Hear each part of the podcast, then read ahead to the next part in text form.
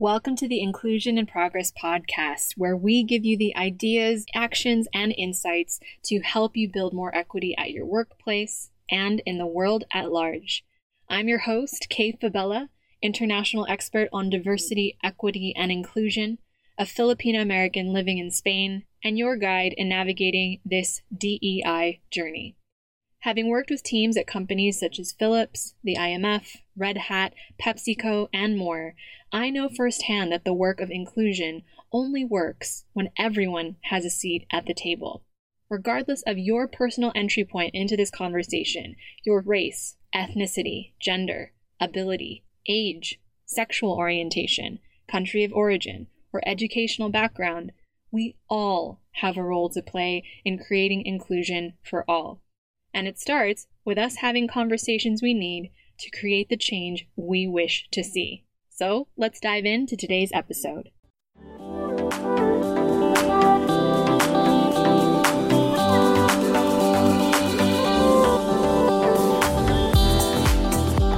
Welcome back, my friend, to Inclusion in Progress. You know, it's so funny. Every time I sit down and I want to start off the show and say, maybe we should have a name for us, you know, our, our group of people that's listening. Do we call ourselves the inclusionites or the progress leaders or progress fighters or inclusion fighters? Okay, I'm not really in love with any of those. You know that saying that it's five o'clock somewhere? Well, it's five o'clock here in Spain while I'm recording this, and my creativity is admittedly not at its finest. But I am always open to your suggestions in my inbox. I love getting mail from you guys, so drop me an email on what you think we should call ourselves. The email address is k at kfabella.com. Last name is F as in Frank, A, B as in boy, E L L A.com.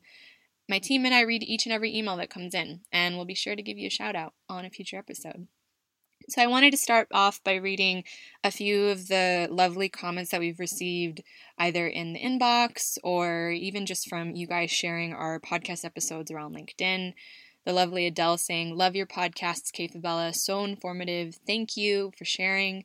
Tina, who said, Have a listen to the lovely Kay, talking sense as always about diversity, not the political version, the real life in your workplace version. Super helpful and the incredible Jen. As always, I admire your tenacity and awareness that you are raising on this topic of diversity. It is really, really cool to see, you know, we're approaching double digits of the episode already. Episode 10 is coming up. Oh my goodness. and to see how well it's received and the feedback that you guys are sending in and even just every like and comment and share and review. I I can say this happened to me just yesterday. Uh, someone saw a reshare of a post or even a comment I think on on something that I shared regarding the podcast reached out to me as a second connection and said, "Hey, it's really cool to see a Filipino American talking about diversity and inclusion. I really wanted to reach out and and introduce myself." And that was really really cool. So and I mean, that's just one story out of many that have happened since we've started putting this podcast together. It very much is a passion project, a labor of love, and hopefully something that really does change the face of leadership by empowering minority leaders who really need this information. So, thank you, thank you, thank you for every single one of you who's shown support for the podcast so far. It really does mean the world. And if you haven't already left a review for us, especially on iTunes, I mean, we are everywhere. We're on Spotify and Stitcher and all of those ones. But iTunes is really the big one where every single rating and review really does help us get in front of the people who most need to discover this podcast and can most learn and benefit from a more inclusive world. So please go ahead and do that if you have not already. Also, can we have a moment for the fact that it's the last week of January already?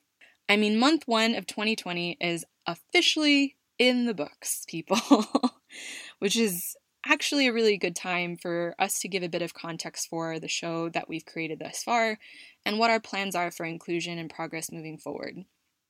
So, you see, as I say, obviously in the intro and the first episode of the podcast, my commitment here is to help leaders and aspiring leaders from underrepresented groups learn practical, actionable ways to step into the spotlight as the trailblazers our communities need you to be. And that as each of you lean in, amplify your own voices, and change the face of leadership in the process, I truly believe that the greater representation of minorities like us across all different industries will really help us build a more inclusive world where we can all thrive. But the first step to inclusion is changing the culture, which we all know is a long haul job, especially in the places where we spend the most of our time, the companies we work for. Because if you feel like you aren't included, like you don't belong, or you are an only in the room, you've got to make your organization aware of the need for diversity and inclusion. Which is why I made the conscious decision to dedicate the first few episodes of this podcast to the context for why D&I or diversity and inclusion is important. Supporting the moral and business imperative of diversity and highlighting the key statistics, trends, studies, facts, and figures, stuff you guys know I love, to help you make a strong case for the need for a more inclusive work environment. The fact is this the work of helping shift your company culture for more diversity, more equity, more inclusion, and belonging is very likely, most likely, going to fall on your shoulders as a minority leader. Because cultural shifts, especially in large corporations, do not happen overnight. They happen through small, purposeful, and incremental change made by real individuals like you and me. Whether that's working with your HR team to help audit their internal hiring practices for diverse talent, raising awareness of unconscious bias or potential racial bias in the design of a product, or leading and spearheading an ERG for your underrepresented group to have more visibility in your company. My hope is that the first few episodes of this podcast will help give you the talking points you need to make a strong case to build out a D&I strategy in your company. And of course, if you happen to be someone who wants support, you don't have to go it alone in building out this D&I initiative. Please get in touch with me at the link in the show notes to book your free discovery call so we can discuss a tailored solution for creating a more inclusive company culture. Again, you can head to kayfabella.com, K A Y F as in Frank, A B as in boy, E L L A.com forward slash DEI dash call or that link will also be in the show notes for you. Which leads me to the focus of today's episode. So I'm assuming, if you've been listening to Inclusion in Progress, that you already know diversity is important.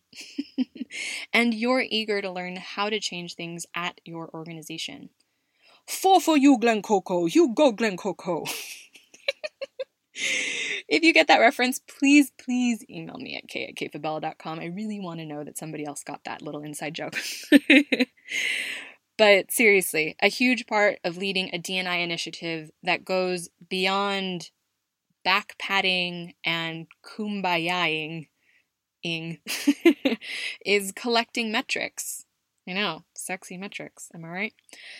because you have to be able to show your managers, your key stakeholders, and the powers that be in your company that what you're doing is commercially viable, that you are actually moving the needle forward on D&I with your efforts.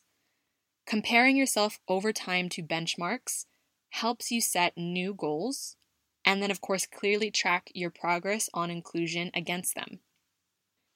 But let me be clear here when you're measuring diversity, it's not some sort of affirmative action program.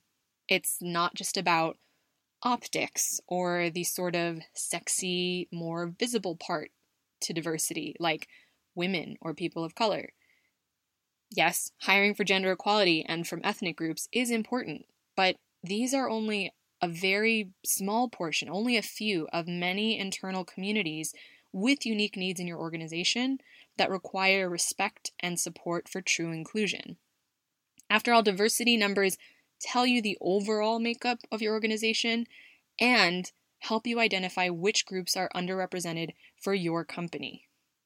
For example, a big concern right now for my clients in the finance and tech industries is what to do about their large aging workforce.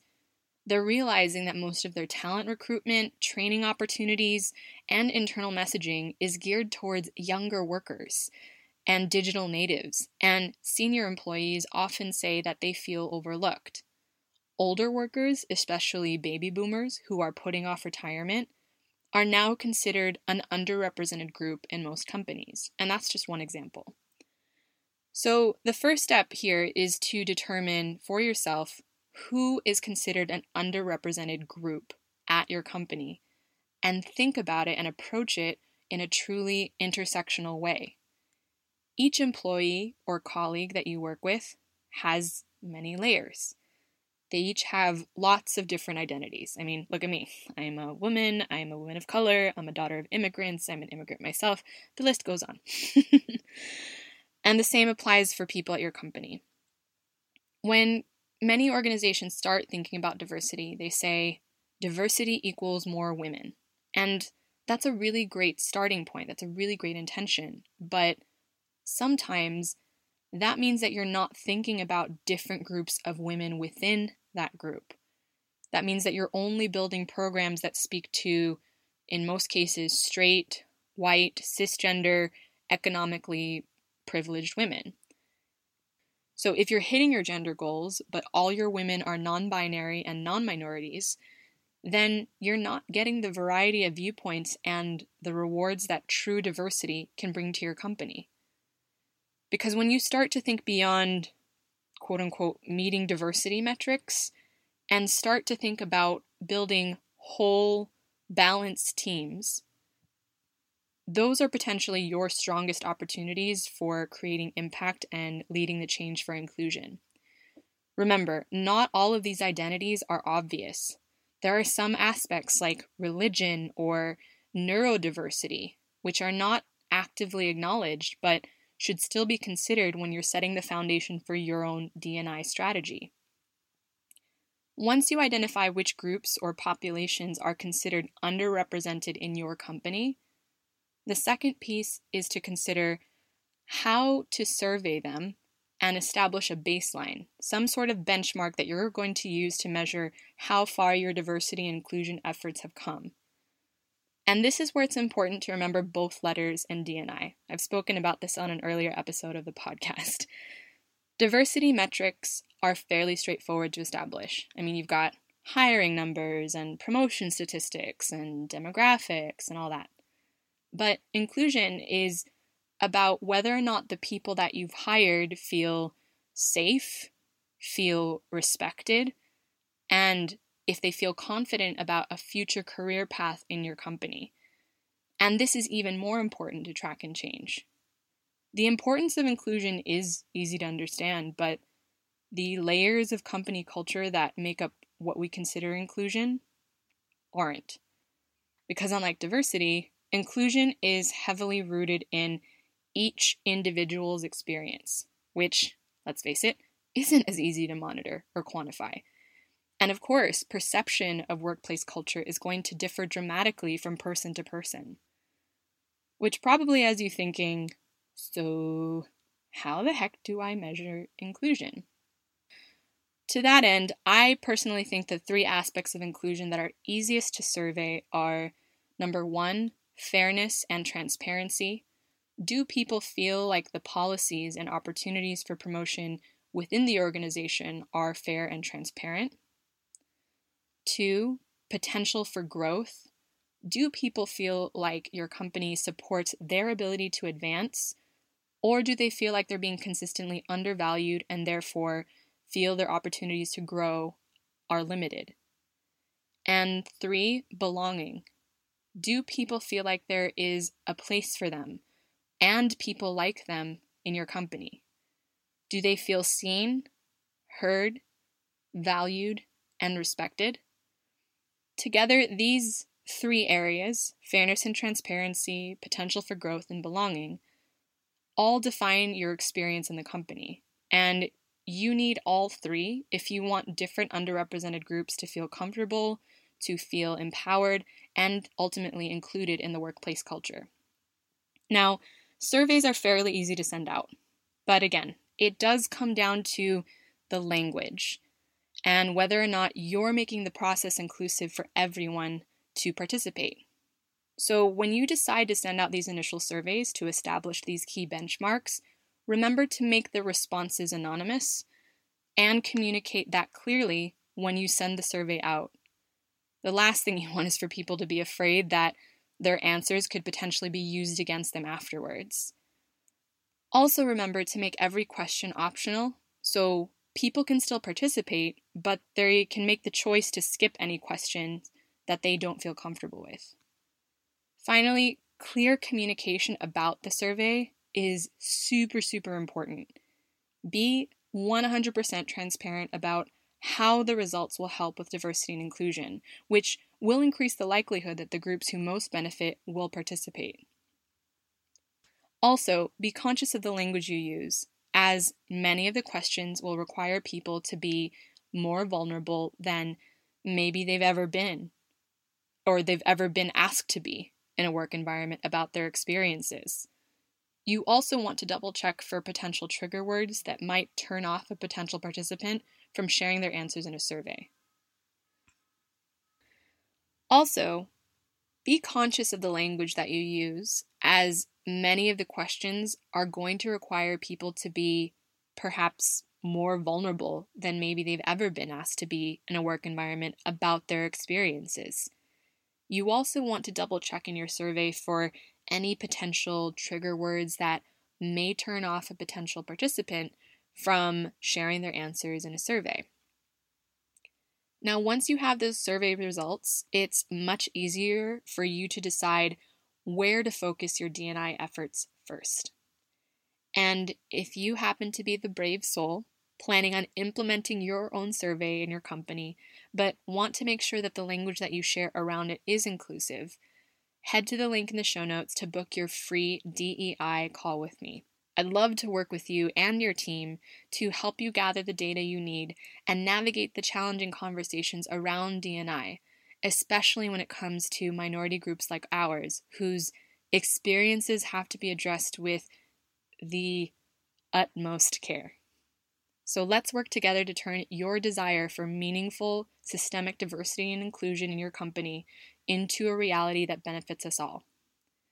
So, we've covered step one the importance of establishing which groups feel underrepresented, and step two, how to establish your diversity and inclusion benchmarks via a company wide survey. Now let's look at step three how to track and measure your success over time. If you're interested in seeing how your company culture has changed over time and whether or not your underrepresented groups are benefiting from your D&I efforts, you can set up some type of ongoing recurring survey and then benchmark your responses against your past results. This will help you validate the impact of whatever new programs, ERGs, trainings, anything that you put in place around D&I, and then trace the effects of company changes on inclusion to then help you make the strong case to your leadership team on the benefits of your diversity and inclusion strategy.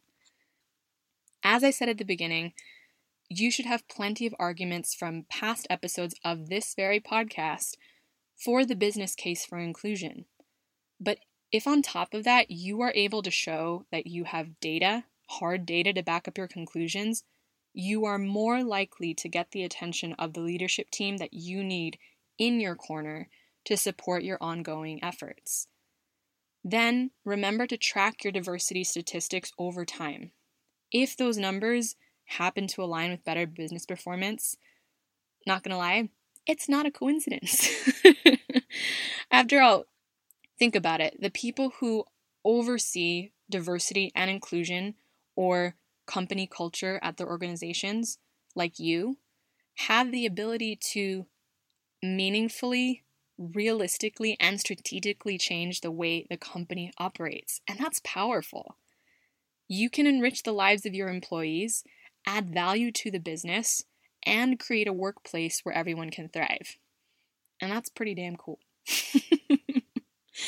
So, there you have it three ways to meaningfully measure inclusion, whether you are an HR professional, a D&I advocate, or someone who's just passionate about seeing diversity actually happen in the workplace, who wants to lead that culture change.